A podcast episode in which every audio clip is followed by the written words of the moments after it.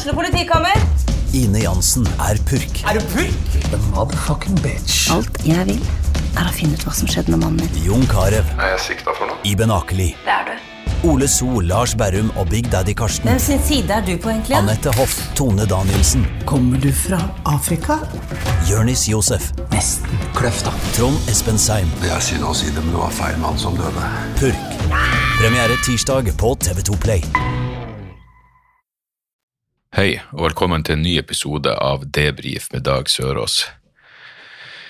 Ja, verden går sin gang der ute, eh, og det er selvfølgelig jævlig mye å si om, eh, om det som foregår i fuckings Ukraina, og eh, ikke minst hvor jævla feil jeg tok, som var ganske overbevist om at den her eh, invasjonen av hele jævla landet ikke kom til å skje.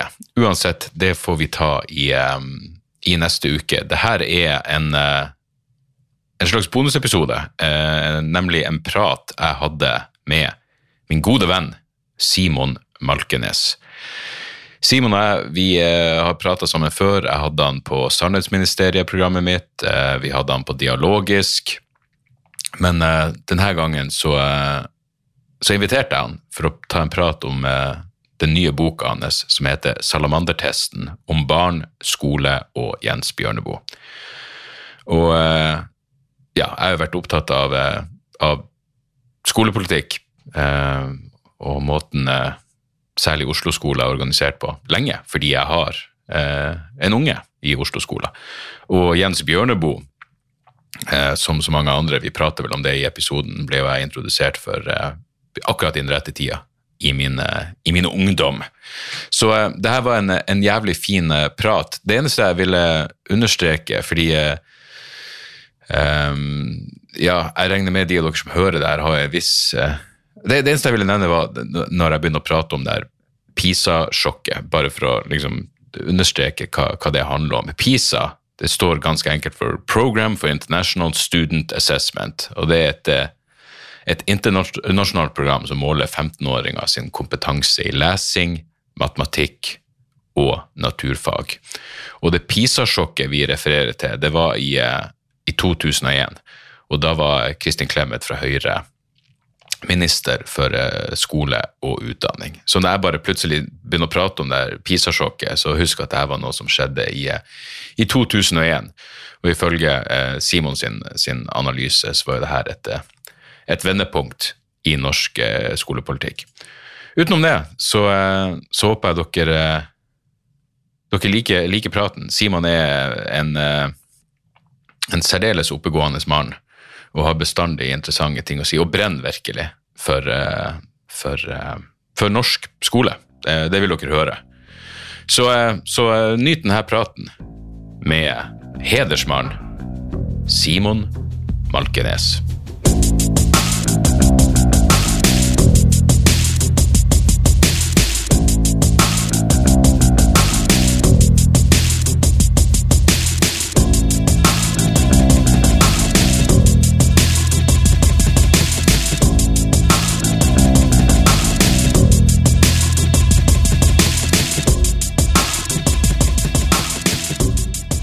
Velkommen, Simon. Hjertelig takk. Hyggelig å se deg igjen. Likeså.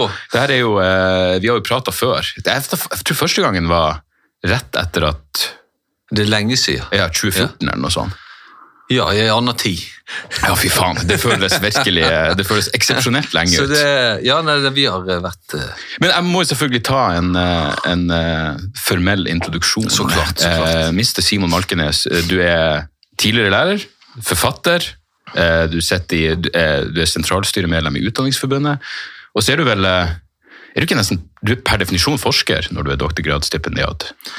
ja, Vi sier det. Ja, det høres fint ut. Jeg vet, jeg vet at du eh, skal skrive om privatisering i, eh, i Ja, utdanningssektoren. Det, det var, når jeg begynte, så var det planen. Og så går det jo aldri sånn som du tenker. Så hvor det ender opp, det får vi se. Men Ja. eh, jeg begynte der. Det høres Ja. deilig ut, for jeg husker, jeg har jo eh, ikke kommet noe, eh, noe videre enn den mastergraden, men da husker jeg det var veldig strikt på at jeg måtte ha stålkontroll på hva jeg skulle skrive om. Eh, Ja, det altså det er jo mest, sånn eh, eh, tomme og, og, og meningsløse dokumenter. Det er jo sånne framdriftsplaner Ja. som sier hvor du skal være om så og så mange år. Ja. For der står det jo f.eks. ikke pandemien kommer. Selvfølgelig. Så, så den eh, kunne vi jo legge vekk nokså kjapt. Så her har det vært eh, sink or swim eh, lenge. Men er, hvis, du, hvis du gjorde det på, i optimal hastighet fire år Mm. Ja, akkurat. Og hvor lenge har du holdt på? Nå er vi halvveis. Oh, ja, ok. Ja da. Jeg har du mye på papiret? Pa- Masse Nei, Selvfølgelig. eh, for å være helt eh, konkret, ikke masse papir, det jo, men, eh, men masse tekst, ja. Så jeg, jeg syns det er kjempegøy. Mm. Ja. Så eh, jeg føler meg i rute. Det trenger jo ikke å være reelt at jeg faktisk er i rute, men eh, jeg, jeg syns det er helt topp. Ja. Hele den tida jeg har kjent deg, så har jeg jo tenkt at eh, enten, enten så så jeg for meg deg enten akademiker eller at du var i politikken, og nå ser det ut som du på en måte kombinerer begge deler. Eller bokstavelig talt Det er litt sånn, eh, ja, at du har eh, mange hatt, eller mange forskjellige eh, drakter en tar på. Ja. Yes. Men eh, jeg har jo invitert deg hit fordi du har skrevet Kan man kalle det her eh, lita bok? Pamflett? Nok i den, altså det er jo, Jeg har liksom funnet ut at den er- den er én flytur lang.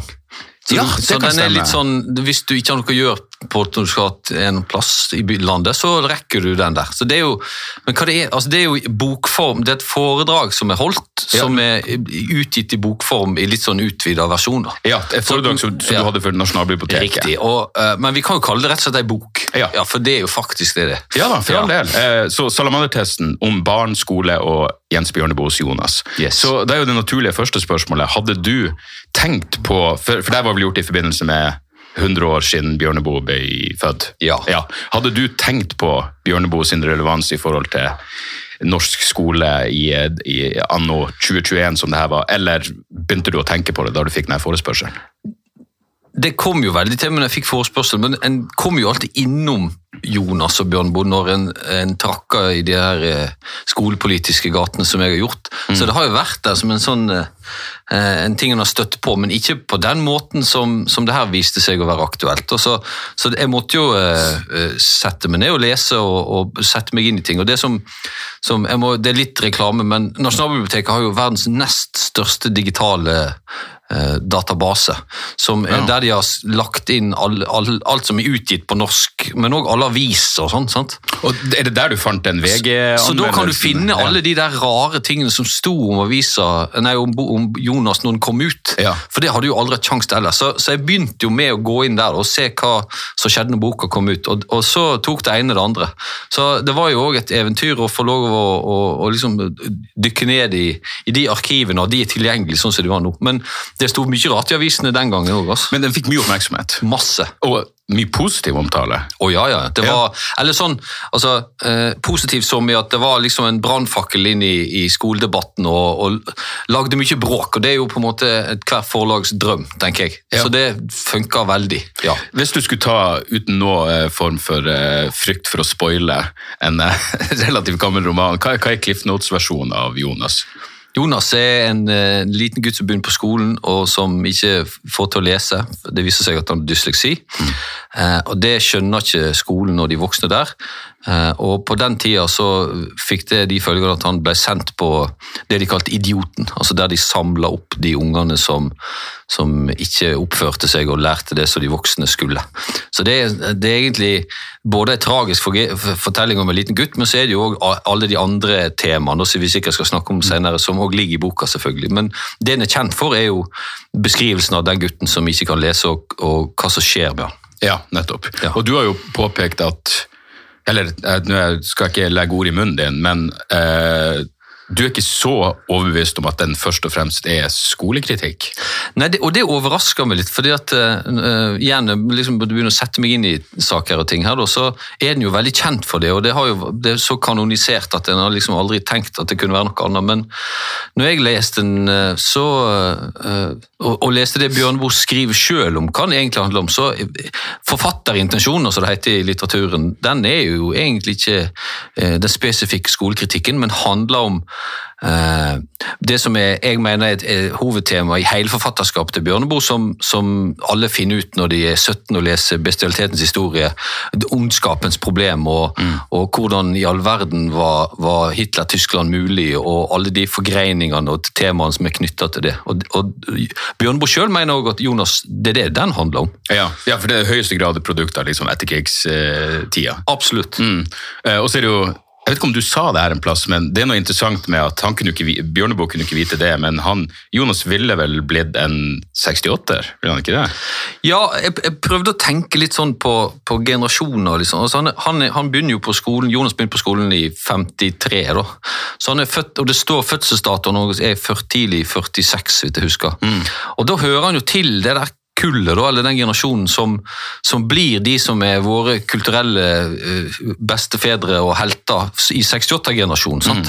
Eh, jeg har vel nevnt noen i Roger Waters er vel mest kjent for å eh, Han er født i 43 og mista faren ved Anzio i, i Italia i, i, rett etter han var født. Og, og Du har John Lennon inni her, og du har Bob Dyll. Alle de, de, de hører til i det segmentet.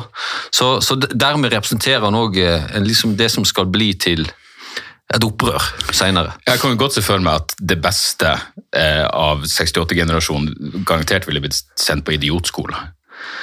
Ja, det er jo fort gjort å, å, å tenke i hvert fall eh, at, eh, at de, som, som Water senere skrev, altså de gikk ikke i takt eh, og, og gikk inn i den store The Wall-kverna. De, De, de, de synger heller 'We don't need no education'. Så, så, så, så er jo, det er jo veldig mye der som er veldig fascinerende. altså. Ja. Men eh, for å gå litt tilbake, da. Husker du da du oppdaga Bjørneboe for første gang sjøl? Ja, men Det var jo, det var jo eh, frihetens øyeblikk, det. Ja. Eh, og på videregående skole. Eh, og kaste seg over en sånn eh, Det var en sånn hvit paperback-serie som kom da. Eh, som gjorde at jeg hadde råd til å skaffe meg de bøkene. Så det, det, og det var jo, det var jo eh, voldsomt å lese, for det var jo den andre verdenshistorien. Den som, eh, som forklarte hvordan ting egentlig var, og all djevelskapen som vi drog på. Så, og det- og det, det traff veldig, og det var veldig fascinerende å få eh, endevendt eh, forestillingene sine. Ja. Så og det, sånn som jeg sa, altså det tenker jeg, det hører med. Det, en sånn, det har blitt en sånn oppdragelsesoppvekstting i Norge, eh, i hvert fall på, der som jeg eh, hører til, at, eh, at du skal lese det der når du, som en del av det før du blir voksen, så må du ha lest eh, Bjørneboe, eh, og i hvert fall for meg, og i hvert fall bestialitetshistorie, den triologien der. Ja. Jeg kan huske eh, på videregående, for jeg var jo veldig opptatt av punkrock, og så anarkisttegnet og prøvde å forstå hva er det og, Ja. og, og vi hadde heldigvis leksikon hjemme, så jeg kunne slå opp eh, hva er anarkisme. Og jeg husker sånn klassisk øyeblikk jeg sa til faren min sånn Jeg tror jeg er anarkist. Og han bare Det, det kan du ikke være. Jeg ba, ja, det virker ikke så dumt hvis du leser det her. Ja, ja. Eh, Men da fant jeg i hvert fall Jeg tror den heter Politi og anarki, som var en sånn eh, samling med noe eh, jeg på å si, eh, sakprosa av. Bjørneboe. Eh, som jeg husker Han skrev blant annet om norsk politi at de hadde kanskje en gjeng med, med hyggelige bondegutter, men de er i et system hvor de ville utført alle former for sadisme hvis de ikke, hvis de ikke kontrolleres. Og jeg husker jeg tenkte sånn, ja, det her er faen meg ganske mørkt menneskesyn, men det, er noe, men det er noe i det. Og fra den tida så var jeg selvfølgelig eh, hekta, salt på, på Ja, ja. Bjørneboe. Jeg, jeg tror han er, han er den perfekte tingen å, å, å oppdage akkurat i, i den alderen. Ja, og så- liksom, var han norsk. Ja, For alle minst. de andre som, som en så til i den, liksom, de formative årene, de var ut fra USA eller England eller fra andre land. Da. Men han var liksom vår egen, og, og det hadde mye å si. Også. Ja. Og, det, og, og, det, gjorde, det han skrev om, det var jo her. Sant? Så det, det, det, og det gjorde det ekstra spesielt. da. Ja, eh, eh, siden vi var inne på, på Tidsånd, så må du dra for meg den eh, Hanne Arendt-linken, for hun er jo selvfølgelig Ja. kjent for eh, eh, ja, sin innsikt i det totalitære sinnet. Ja, ja, ja. Eh, jo, jeg, en del av det som jeg gjør i den boka, her er jo å forsøke å plassere eh, Jonas i en kontekst. Altså, Og hvilket underliggende tema er det som, som en forsøker å, å adressere og bearbeide i kulturen på den tida. Og, og det er jo eh, de historiske erfaringene med eh, tysk, Tysklands sivilisasjonssammenbrudd og, og totalitære tredje rike og og, og, og trikkeskinnene til Auschwitz.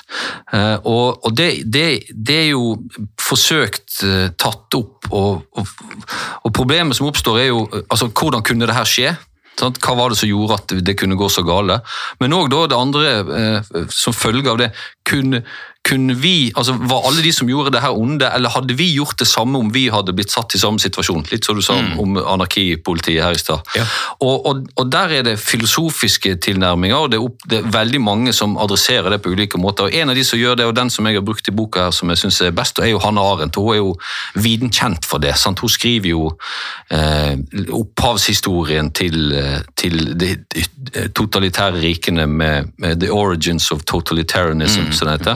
Banalitet. Riktig. Mm. Og så kom hun videre til eh, eh, andre utgivelser, og der, der kom hun inn annet på utdanningssystemet. Og, og de passasjene som hun beskriver der som handler om hvordan stat og ideologi og eh, forsøker å forme unger, er veldig like de Bjørneboe sjøl skriver når han skal beskrive eh, det han mener er temaet i Jonas.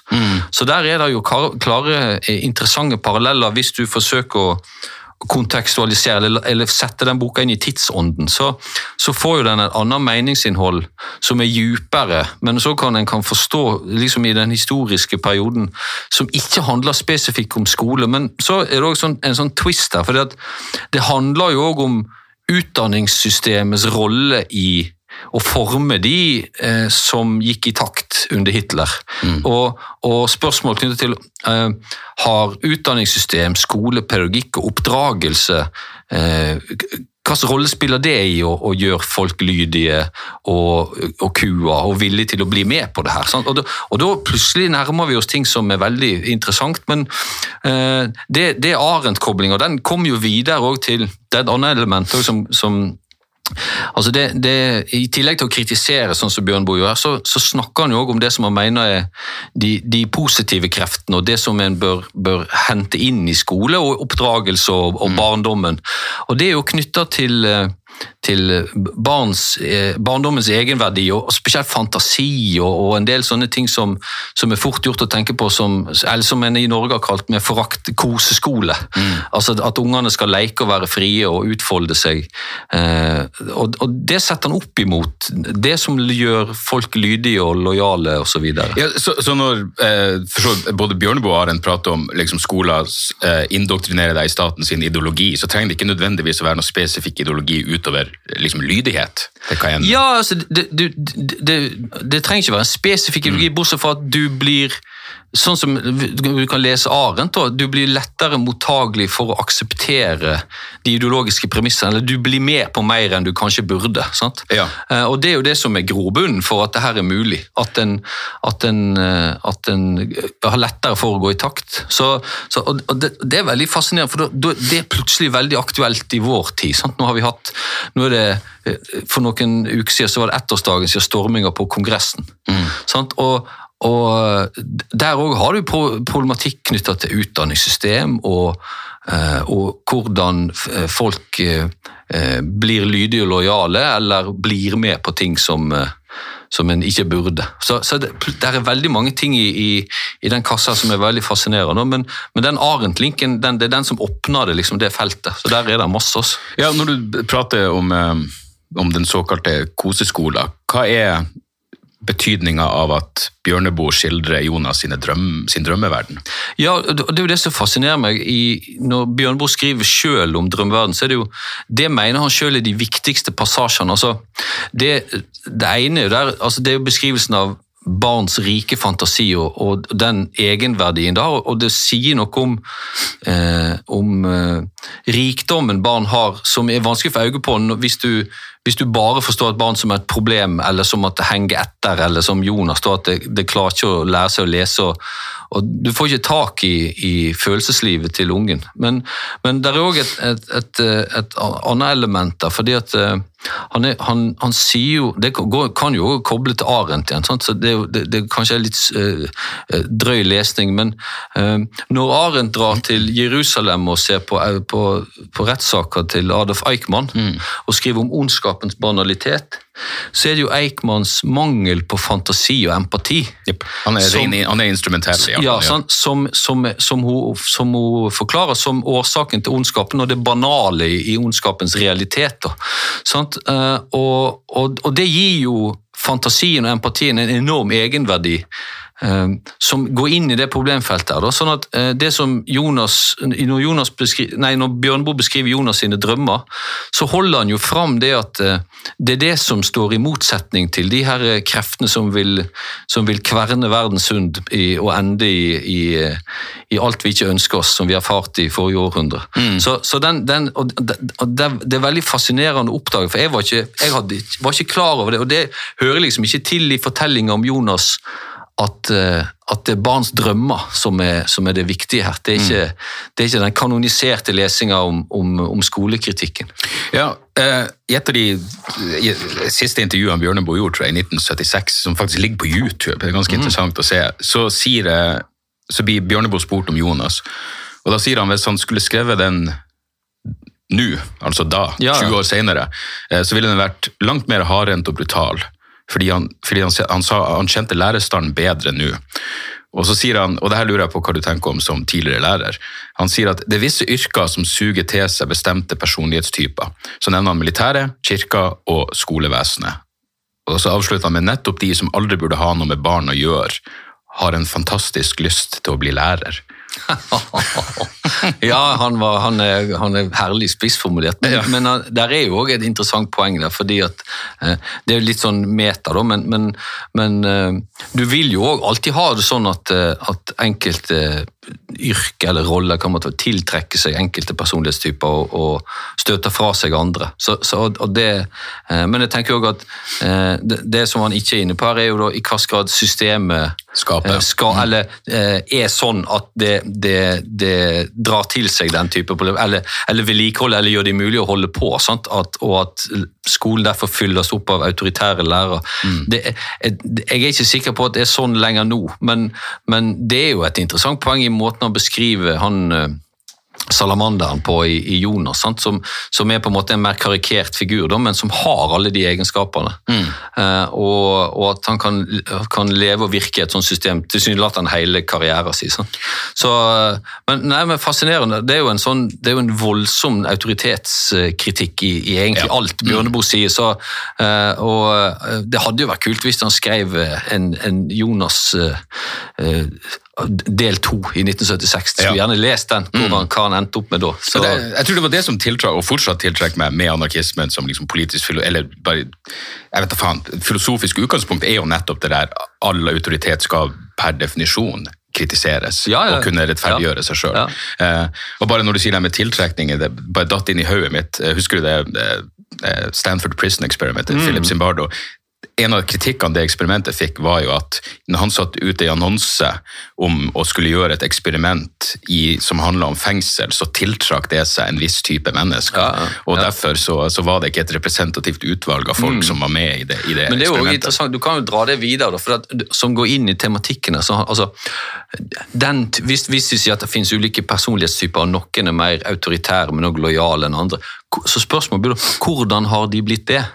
Sant? Og da er vi jo i oppdragelse, oppvekst og skole igjen. Sant? Så, så det der er- at noen bare er det eh, av natur, jo også, eh, kan jo òg leses på en annen måte med at eh, de har blitt forma eh, gjennom oppvekst osv til den type personligheter. Sant? Så, så det, det, det biter seg sjøl i halen. Bare for å liksom runde det, det mørke bakteppet med, med andre verdenskrig, så er det ikke hva kan de kalle det?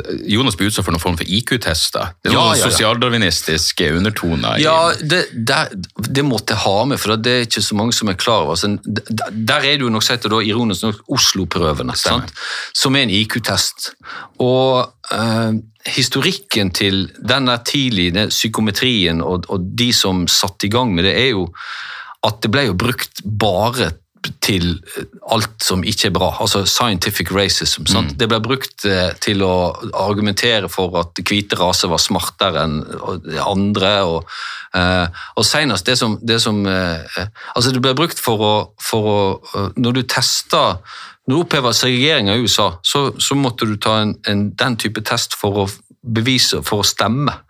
Og, det, og da, da kunne du holde masse eh, av de afroamerikanske eh, stemmeberettigede unna valgurnene pga. en sånn test. Og jeg vet, Det er en sånn siste ting som er eh, jeg så den, Har du sett den nye Muhammed Ali-dokumentarserien på NRK? Det er fire episoder. Veldig bra og grundig alt mulig. Han han, bestod, han hadde jo alt mulig rart som gjorde at han ikke fikk til på skolen og ble go god i gym istedenfor. Mm. For, og og en, han besto jo ikke de testene her. sant? Eh, og det som skjer med han når han blir, blir drafta, det er jo at da må han ta testen på nytt. Og han består ikke. sant? Men så senk, fordi at eh, de mangler soldater i Vietnam, så senker de inntakskravene til hæren. De, altså, de dumme kan òg dø. sant? Eh, og, og, og dermed så må han kaste medaljen i Hudson River og, og, og alt det som skjer etterpå. Ja, ja. Det er pga. den type tester. sant? Wow. Så der er det ganske fiffige saker. Men, men historikken i boka her er jo at Det kan også ha den fantastiske limne med Det er ikke noen fra Viet Cong som har kalt meg nigger noen gang. ja, for eksempel. Ja. Men, men eh, det viktige er jo at den amerikanske hæren har brukt den type tester. Eh, Jeg tror det kom ut av første verdenskrig, så bruker de den som en del av inntaket til hæren. Ja. Og det har gitt, gitt dem en legitimitet og en, på en, måte en innflytelse som kanskje har vært større enn den fortjener, da, men som òg har liksom sildra videre til der vi er i dag. Så, så det at det har blitt brukt i den sammenhengen, eh, gjør òg at det kan dukke opp i Jonas, fordi det er en ren IQ-test som eh, har, ja, har sine sider, for å si det sånn. Eh, hva er ditt synspunkt på Steinerskolen, egentlig? Steinerskolen? Ja, fordi det er vel det, Bjørneboe jobber jo som eh, Steinerskolelærer. Mm. Han, han, han sa vel i et av intervjuene at eh, Jonas, det var ikke noe Steinerskole, det handla egentlig ikke om Steinerskolen fordi eh, lærerne på Steinerskolen drakk ikke, mens det, det gjør denne læreren. Ja, um, nei, de representerer på en måte uh, den, altså pendelen det motsatt side, da. Sant? Ja. Fordi at du har vektlegging av veldig mange av de tingene som, som skolen i dag eh, ikke tar seg tid til. Sant? Som handler om eh, eh, alt fra eh, veldig enkelt sånn eh, sløyd og, og maling og musikk og en del sånne tilnærminger som, som gjør at ungene eh, blir behersker det å lære at det har egenverdi og bli flinke. Altså de, jeg snakket med eh, en lærer her tidligere som, som altså de, de, Ungene får lyst til å dra på ferie til Italia for å se på kunst. Sant? For de har lært om det i, i, i, på skolen. Ja. Så, så, eh, så det representerer på en måte eh, den andre sida av, av det som vi har, den skolen vi har hatt som har vært veldig opptatt av sånn veldig forenkla sånn lese, skrive, regning. der eh, Spesielt det med lesing. Da, det er på en måte sånn teknisk ferdighet. Det er, ikke, det er ikke å lese poesi eller å lese Bjørneboe som kan gi sånn rike indre opplevelser. Det, det er noe du må lære fort, sånn at du kan lære deg alt annet, sånn at du kan få deg en jobb. Grunnleggende ferdighet. Yes, sir. Mm. Ok, eh, fordi vi må jo over på eh, altså Linken blir jo Jonas for gutten som ikke kunne lest godt nok, eh, og så, så er det plutselig eh, Norge i 2001. Spesifikt guttene kan ikke lese godt nok. Det òg var helt sånn paradoksalt og ironisk alt på en gang. Det er jo eh, PISA-sjokk og det berømte eh, skolepolitiske vendepunktet i, i, i Norge handler jo òg om at guttene ikke er flinke nok til å lese. sant? Og det er jo helt sånn... Norge er en skoletaper fordi vi ikke er best. Fordi, fordi guttene ikke kan Ja. lese, Mm. ja, som Jonas. Ja. Sant? Og, så det, det er jo, en, det er jo en, en, en veldig nesten utrolig gjentagelse av det temaet som Bjørneboe drar opp. Da. Så det blir problemet igjen. Jeg må, jeg må bare si, Når du finner den type linker, det er da det er en fordel å være interessert i litteratur også, for da blir det noe poetisk over hvordan ting flyter inn i hverandre. Veldig. Og, sant? og, og, og, det er jo da du, det, er da du det sitrer, fordi at eh, du kan glise litt og tenke 'yes, Ja. det er, ikke, er det mulig'? Ja.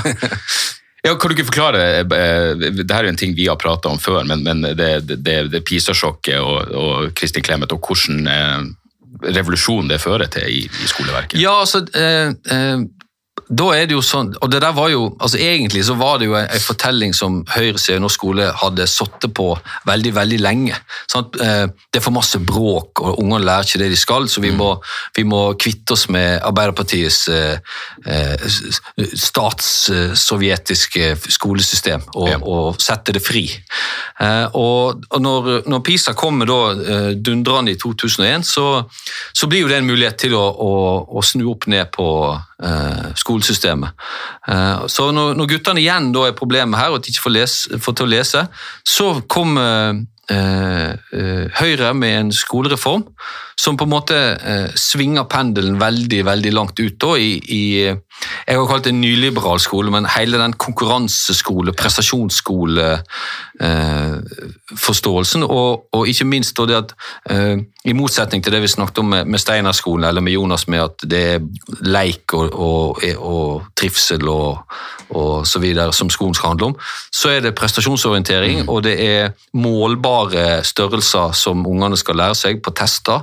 Eh, Og formålet er å komme seg i arbeid, eller å, å få en verdi på et arbeidsmarked når du blir stor. Mm. Og det slår òg videre inn i at eh, de her testresultatene, PISA-testen f.eks., de, de mener en da Det her er jo det en kaller humankapitalteori, som er jo et eventyr i seg sjøl. De mener da at barna sine testresultater i PISA eksempel, sier noe om eh, konkurranseevnen til Norge i framtida. Som lager det som på min dialekt heter et helvetes trykk på de her ungene som ikke lærer seg å lese fort nok. Så det, Plutselig så svinger det over en helt, sånn, en helt annen logikk om hva skolen er til for, og, og hva som bør skje i skolen. Uh, igjen fordi at eh, guttene ikke lærte seg å lese fort nok.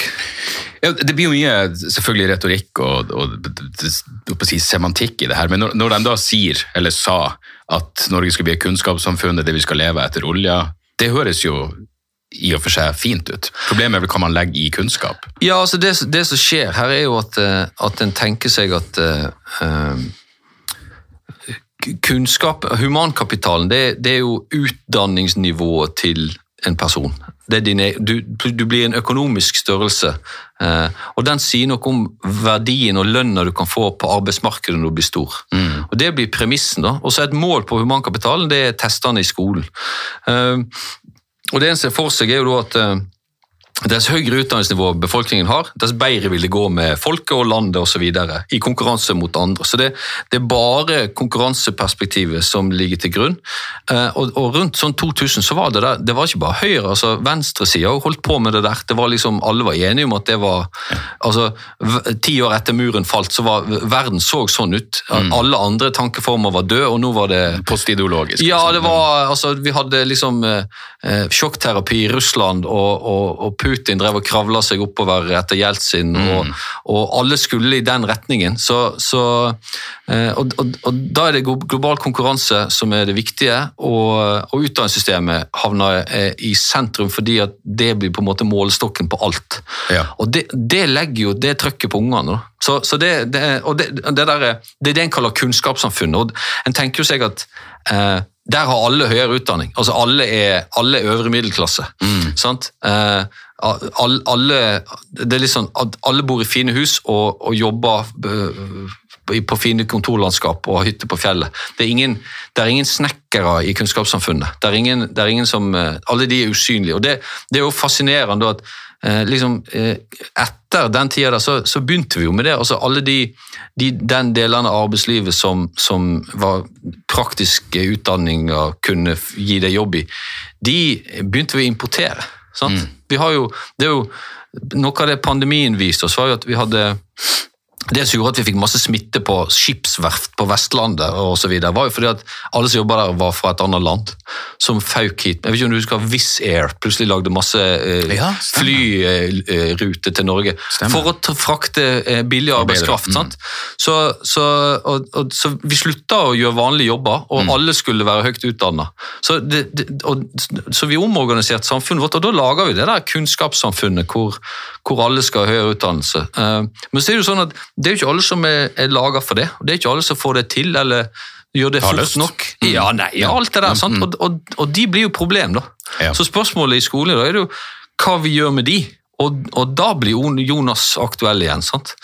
Så der er, ja. Fan, det, det, det er så mange tanker som tok opp i, i hodet mitt. Fordi, for det første, det nyliberalismebegrepet har jeg litt sånn Jeg, jeg liker bedre når Hva er alternativet? Hyperkapitalisme? Hyperkapitalisme, Bare den ja. ideen om for, Fordi jeg har bestandig tenkt for det er sånn, så, som, eh, Hver gang noen sier nyliberalisme, så får jeg lyst til å si Kan du definere det for meg? Jeg har bestandig bare tenkt det på som um, hva er ordet? Sånn kommersialisering av mellommenneskelige relasjoner. Sånn som du nevner han, eh, hva han heter, Gary, er Becker, Gary Becker, ja. Som liksom sier at forhold mellom mor og barn er et økonomisk forhold Ja. med investering og avkastning.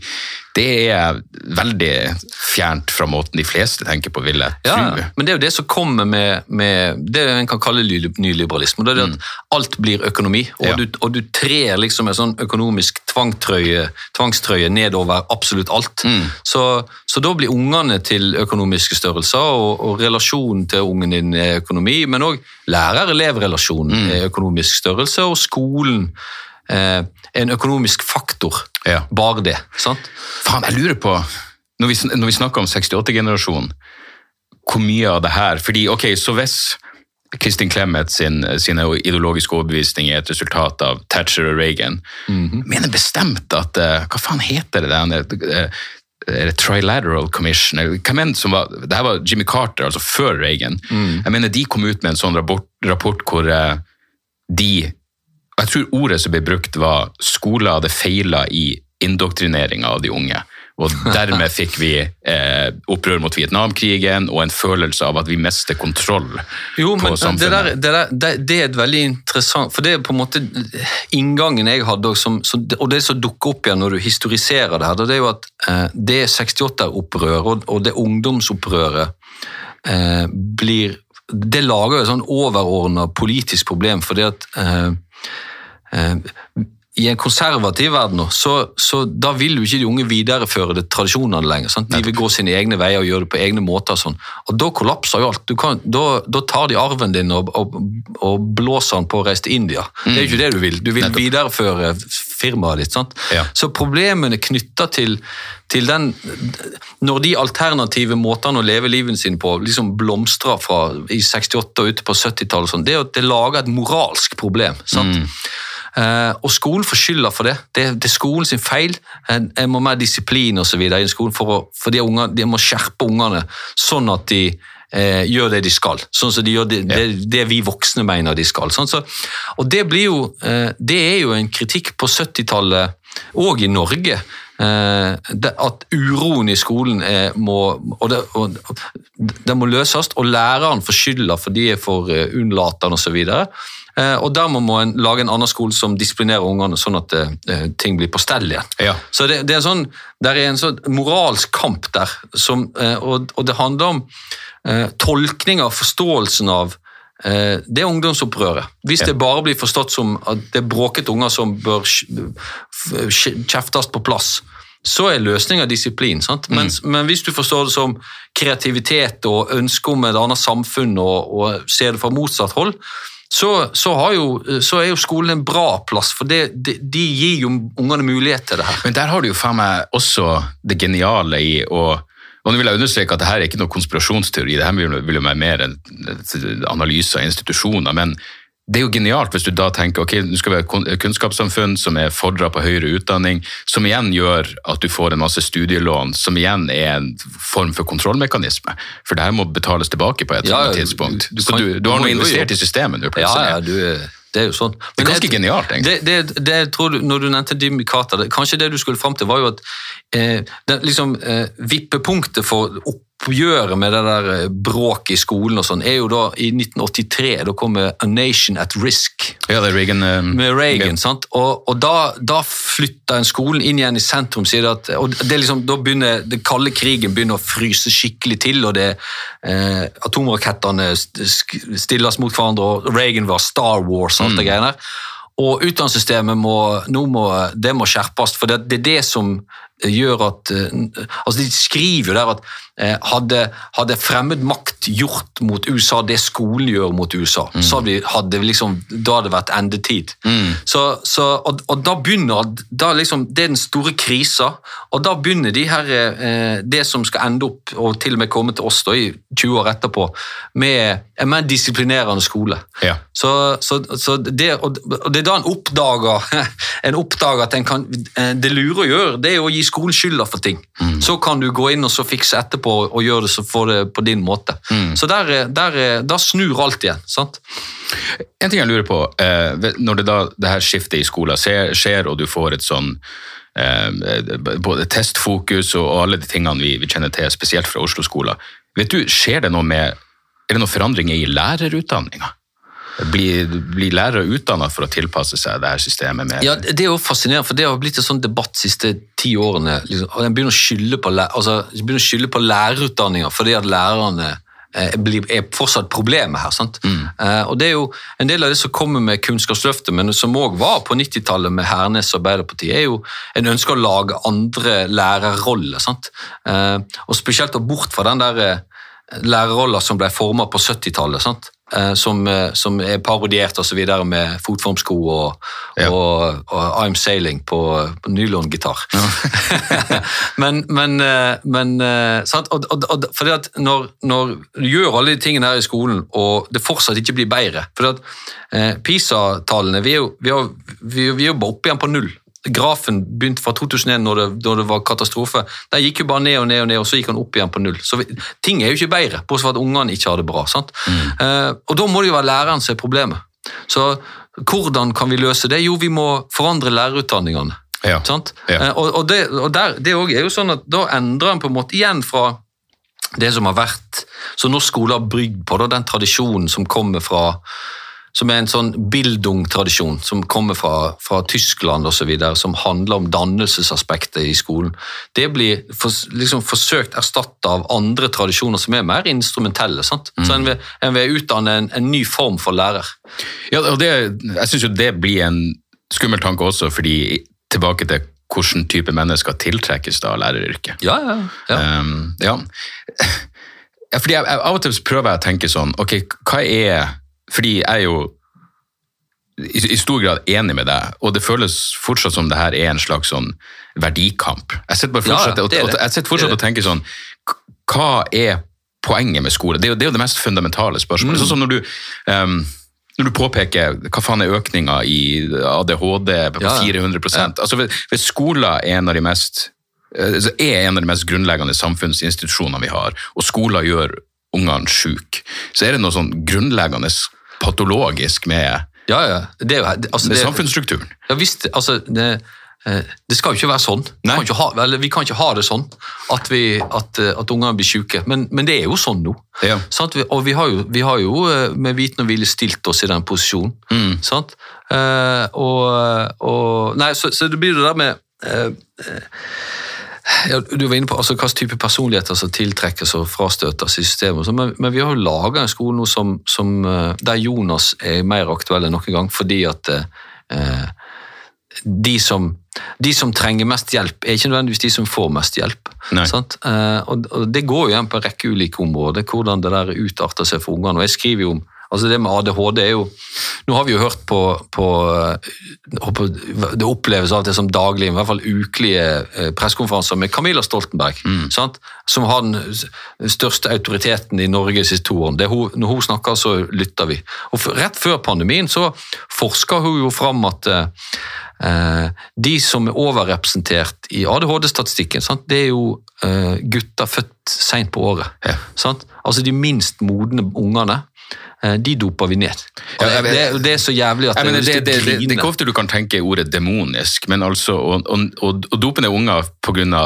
en naturlig respons på Ja. eh, mangel på stimuli, er faen meg ja, Akkurat der det klarer jeg ikke å se på som noe annet enn Det er selvfølgelig, jeg vil tro for, for, for hva slags foreldre som godtar det, så er det jo uvitenhet, men på et eller annet nivå så er det faen meg ondskap.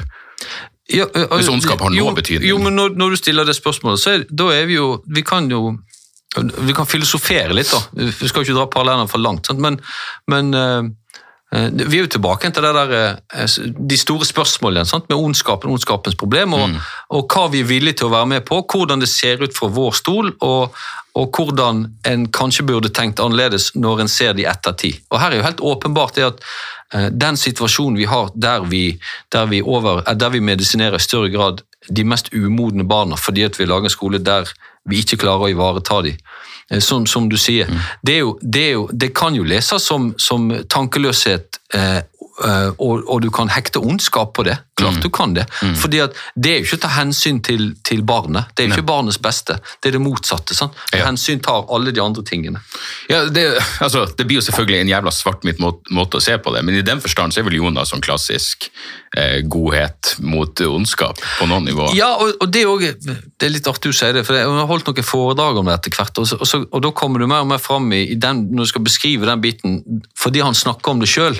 Altså, han har jo bygd boka som en mer en sånn eh, mytologisk fortelling, eller altså, den er mer eh, Ringenes herre enn realismeroman. Eh, og, og i det feltet så Mye Joseph Campbell, Heroes Journey. ja, og, og, og litt i det, men, men, på, men det, det betyr jo at, at eh, personene er karikerte som gode og onde. sant? Det var nok, Alle de støttende figurene til Jonas, de, de alle representerer samme type egenskaper osv., mens, mens de, de bad guysen er det motsatte. Mm. Og, og, og, og, og det lager du moraluniverset, sant? Hvor, hvor, eh, og den der, det er jo der denne salamandermetaforen dukker opp, sant? som, er, som er, skal kapsle inn eh, kjernen i det, den ondskapen som Bjørneboe forsøker å adressere, sant? Eh, som har paralleller til Arendt, altså det manglende empati og fantasi.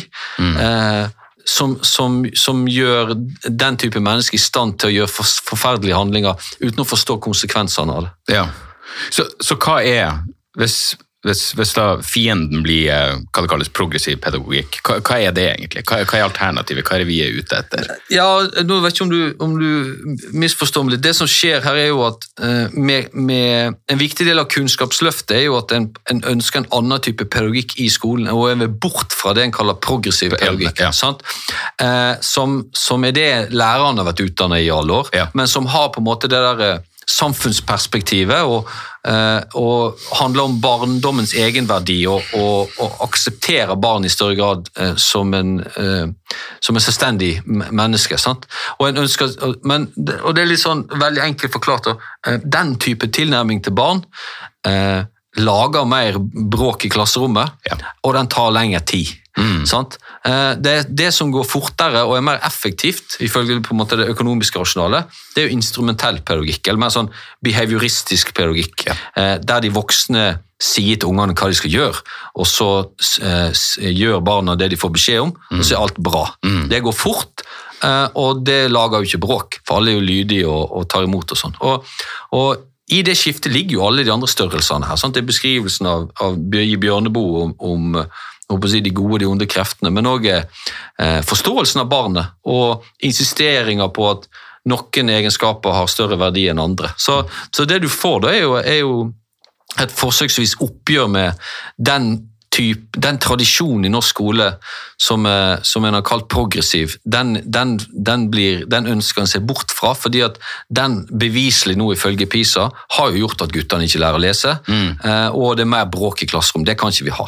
Altså, hvis Uh, gitt uh, det jeg og du vil jeg tro ville sett på som en mer sånn eh, ideal uh, versjon av skolen, så vil jo selvfølgelig det vil jo kreve mye mer av læreren enn en mer sånn instrumentell lærer. Vil ikke det?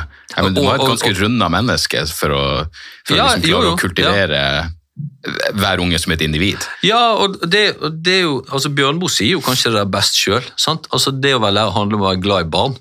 Alle barn uansett.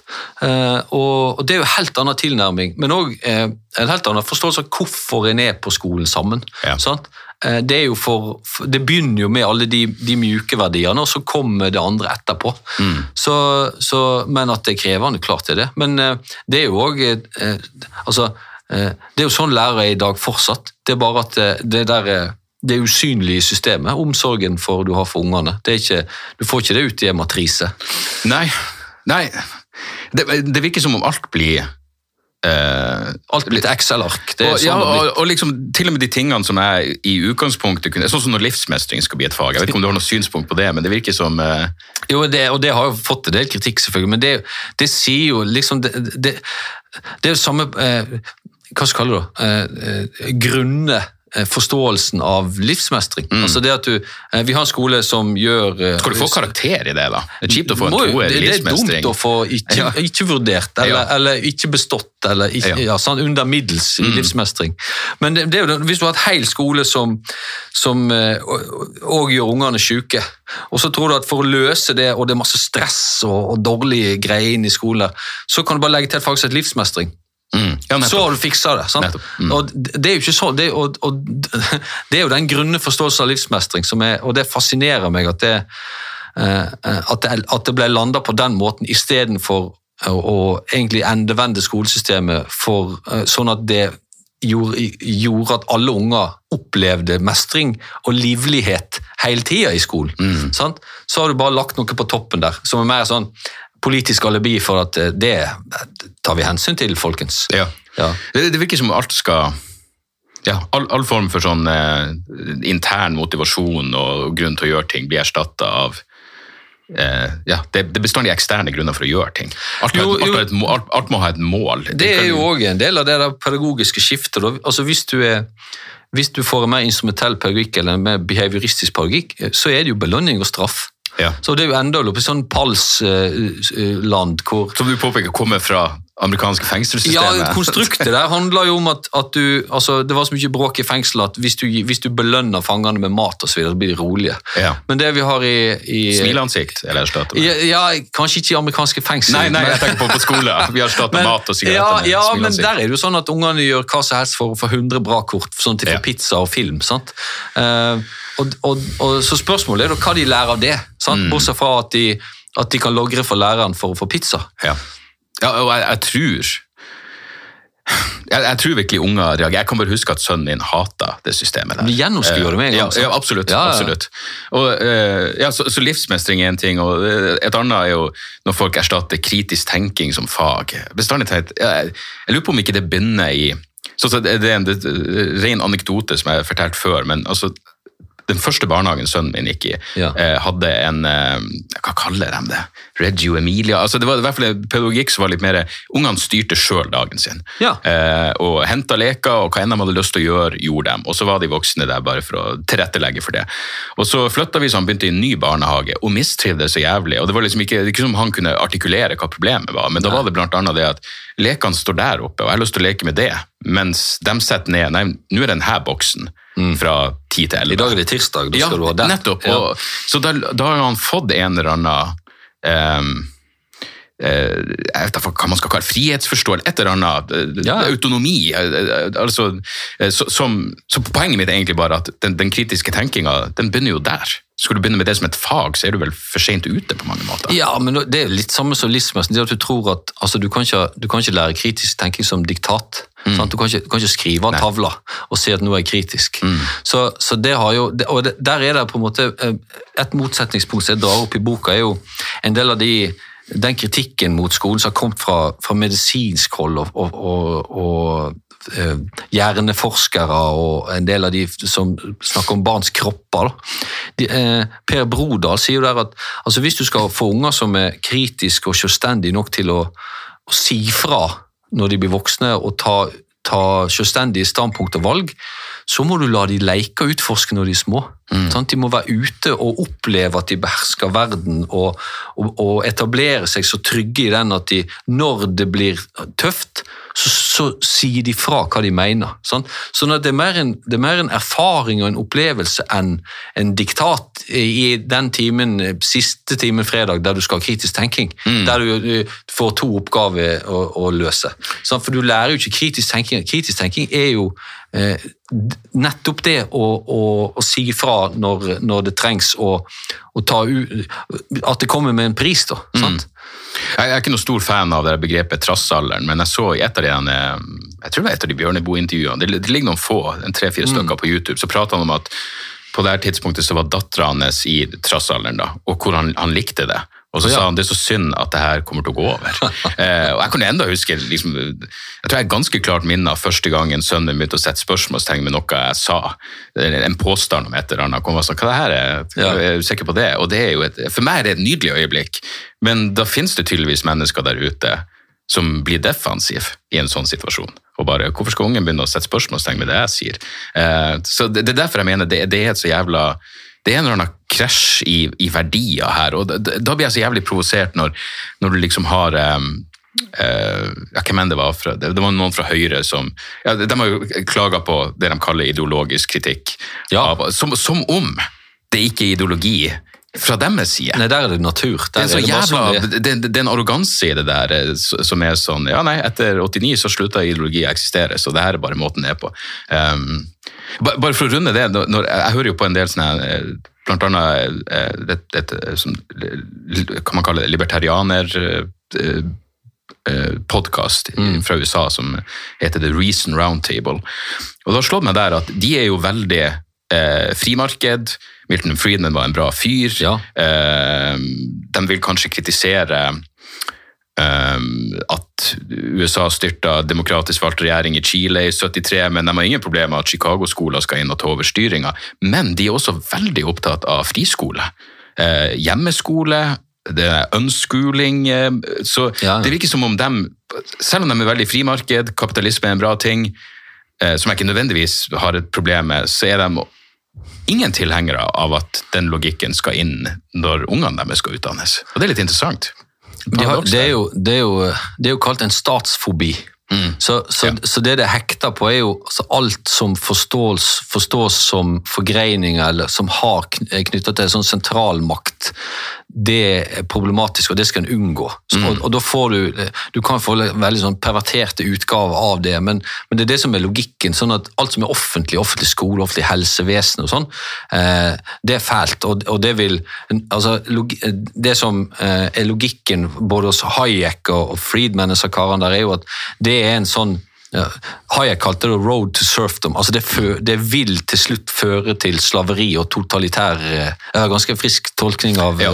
av det samme temaet som Bjørnboe tolker. Men, men så, sånn at en, en i, I offentlig skole så leser en inn en sånn eh, gryende eh, vei til eh, alt som en ikke ønsker seg. Og, og Da får du òg det frihetsbegrepet. sånn som at Med en gang du ikke er, er borti noe som er statlig, så er du fri. Så det, og, og den, den der, Det er jo en sånn statsfobi som i USA er jo utbredt og har fått en form for hegemoni politisk, da, som, eh, eh, og selvfølgelig har med historie og kultur å gjøre der. sant? Der de, de, friskeste rømte fra England og etablerte seg i, religiøse kolonier. Så, så at, at der, der er, hvis du tenker eh, Weber og, og protestantisk etikk og kapitalismens ånd, så går det jo også an å tenke seg at det er også et uttrykk for en sånn en ganske radikal eh, ideologi som har religiøs opphav, det òg. Så det er ganske fascinerende. Der, det, er jo, det er jo angsten for sentralmakta og, og litt sånn eh, i overført betydning frykten for paven, som gjør at du må liksom rømme over Atlanteren og etablere deg sjøl. Og så har de jo muligens med god grunn, men da også bare gitt opp enhver idé om demokrati. Enhver idé om at staten faktisk er noe som du har et ord med i laget når det kommer til. Ja, det, du, sant, du, den, den, og det litt tilbake til det du snakket om med nyliberalisme, hva det er for noe. Det en ønsker seg, da er jo en stat som fungerer som et marked, som dermed er fri, og dermed er ikke det mulig å ende opp i totalitære forhold. Sant? Så, så det, og det, gjør jo at, sånn som i USA, så får du, da får du inn av de her lobbygruppene og, og tunge pengeinteresser inn i politikken, som da har, ju- har gjort at den har svinga den veien den har i USA, selvfølgelig. Men, men det er jo en, en bevisst baktanke knytta til det der feltet der hvor eh, du kan, Staten må ikke være en sånn sentralmakt som, som eh, tar inn skatter og, og redistribuerer, lager offentlig skole, offentlig helse og sånn. Den må være bygd på konkurranse og marked, for da, da unngår vi at den blir overtatt av de onde.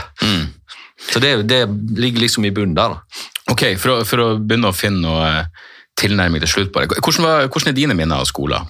Hvordan var du som elev? Hvordan var skolehverdagen for Jeg, deg? jeg har jo måttet tenke litt på det. Altså jeg, jeg, sånn, jeg gikk jo, Først gikk jeg første til fjerde vel på én skole, og så flytta vi så bytta skole. og det jo, Jeg tenkt på etterpå, for jeg begynte med å være sånn sånn som var ferdig med matteboka fort. Mm. Og satt og gjorde sånn Løko-oppgave hele tida.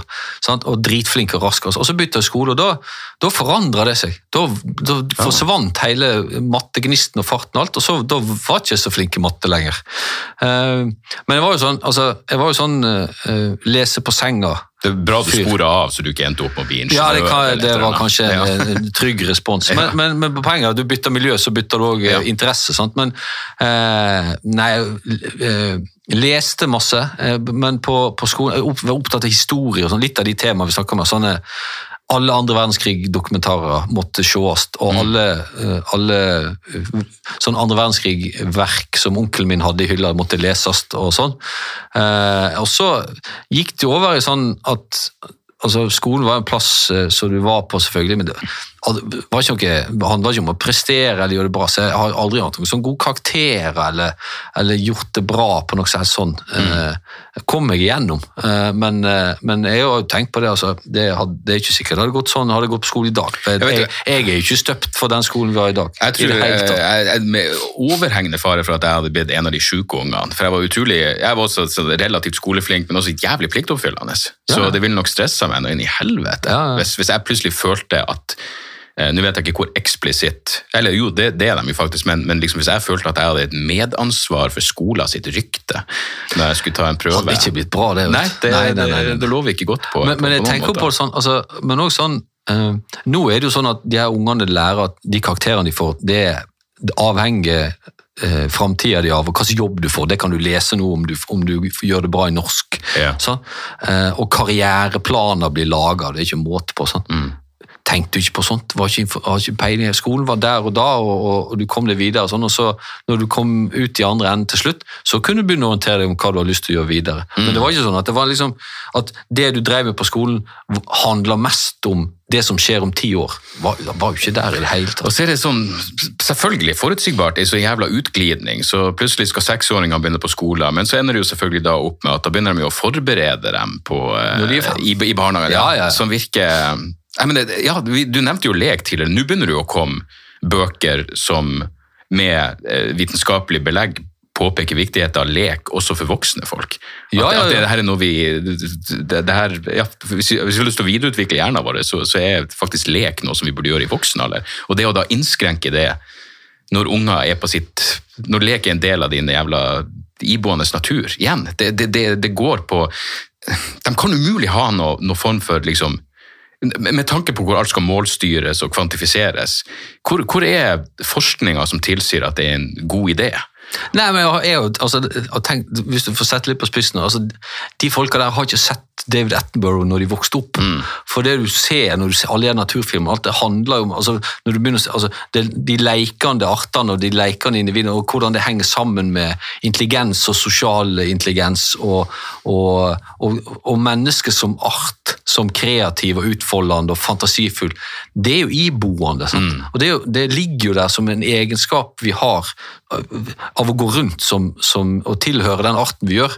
Så det er akkurat som sted, at en ikke anerkjenner En forsøker å gjøre oss til noe annet enn det vi er. Da. Og, og, og, i, og, Det betyr jo at i hvert fall sånn jeg tenkt at det betyr at i utgangspunktet så er det der for alle. Alle eh, ungene er fantasifulle, og de, de er kreative. Og det, det eneste du kan gjøre med det, er å ta det fra dem. Og, og det skjer, og det er hjerteskjærende. Hva du tenker om, Kjenner du til Sudbury-skolemodellen, hvor unger eh, der, er- der er tanken fordi Av og til kan det liksom tilte over i eh, Jeg er veldig interessert i, i alternativ til eh, den konvensjonelle skolegang, men der er det ungene sjøl som, som styrer sin hverdag. Det er nesten som den barnehagen jeg prata sønnen min i, Ja. gikk i. Eh, de blander aldersgrupper, altså så det er eldre unger og små unger, og det er voksne til stede som liksom kan eh, Men det er ikke noe timeplan. Det, noe, det gjør hva enn du er interessert i. Ja. Um, som Jeg tenker sånn, ok, det, det funker åpenbart for de her ungene, men jeg vet ikke igjen hvor representative de her ungene nødvendigvis er. Men en eller annen form for Ja, i hvert fall, i hvert fall ikke jeg, jeg, jeg kan bare huske som et sånn forferdelig øyeblikk hvor eh, jeg på barneskolen vi ble bedt vi skulle ha noe sånn kreativ skriving eller et eller annet, og jeg hadde akkurat sett Alien-filmen, selvfølgelig altfor ung alder, så jeg skrev egentlig en rip-off av Alien og leste det opp, og læreren var sånn, det her er det som skjer når man får se hva man vil på TV. I stedet for å, det, det er så enkelt å forestille seg hvordan du stilte et oppfølgingsspørsmål med, hva synes du er interessant med det her? Ja, ja. Eh, tror du, hvis romvesen eksisterer, at de er så jævla blodtørstige? Det er så mange Jeg vet da faen. Det, det, det, det er bare drepende når, når, når eh, Hvis unger utviser interesse for eh, innenfor rimelighetens grense, det meste, at ikke det stilles med nysgjerrige oppfølgingsspørsmål. Ja, men det er jo litt sånn Altså, barndom, barndom er jo noe nytt. vi har, det, er jo, det er jo ikke lenge siden vi oppdaga at det fins. En trodde jo at de var små voksne. Sant? Så det å oppdage alle de tingene der, det- det er jo relativt nytt. Og, og, og, og hva, en, hva en trenger å gjøre osv. Sånn. Men det er jo sånn litterær parallell her. den der, Eh, Barnehagen der ungene gjør som de vil. Sant? En forståelse det er jo liksom fluenes herre, sant? Der, der det fører til kaos og, og totalitære tendenser. Sant? Med, med noen tar makta, og så blir de ville barbarer og alt det greiene der. Men jeg leste jo en eller sånn artikkel om den. Den fluenes herre er jo bygd på en, en hendelse som faktisk skjedde. eh, som der eh, de som krasja i det flyet og alt det der, det gikk jo veldig bra, fordi at det de gjorde for å overleve, var jo å samarbeide. Sant? Og det var samarbeid og måten de klarte å kreativt overleve i den situasjonen, som gjorde at de klarte seg. Det ble ikke eh, totalitære tendenser og, og all den galskapen i Fluenes herre. Så det er jo også interessant, for det, det er jo et blikk på barndommen igjen. Sant? Eh, Den fortellinga som står i boka, er jo eh, forståelsen av barn som at hvis barn får gjøre som de vil, så skjer det uønska ting, sant? og dermed må, eh, må voksne disiplinere dem. Sant? Og, eh, og, så det, det tangerer liksom hele den tematikken her, og, eh, og tilbake til Bjørneboe, det han tar opp med eh, barnas beste, sant? og, og og, og, blikket på barn som sier at hvis barn utfolder seg, så må de disiplineres.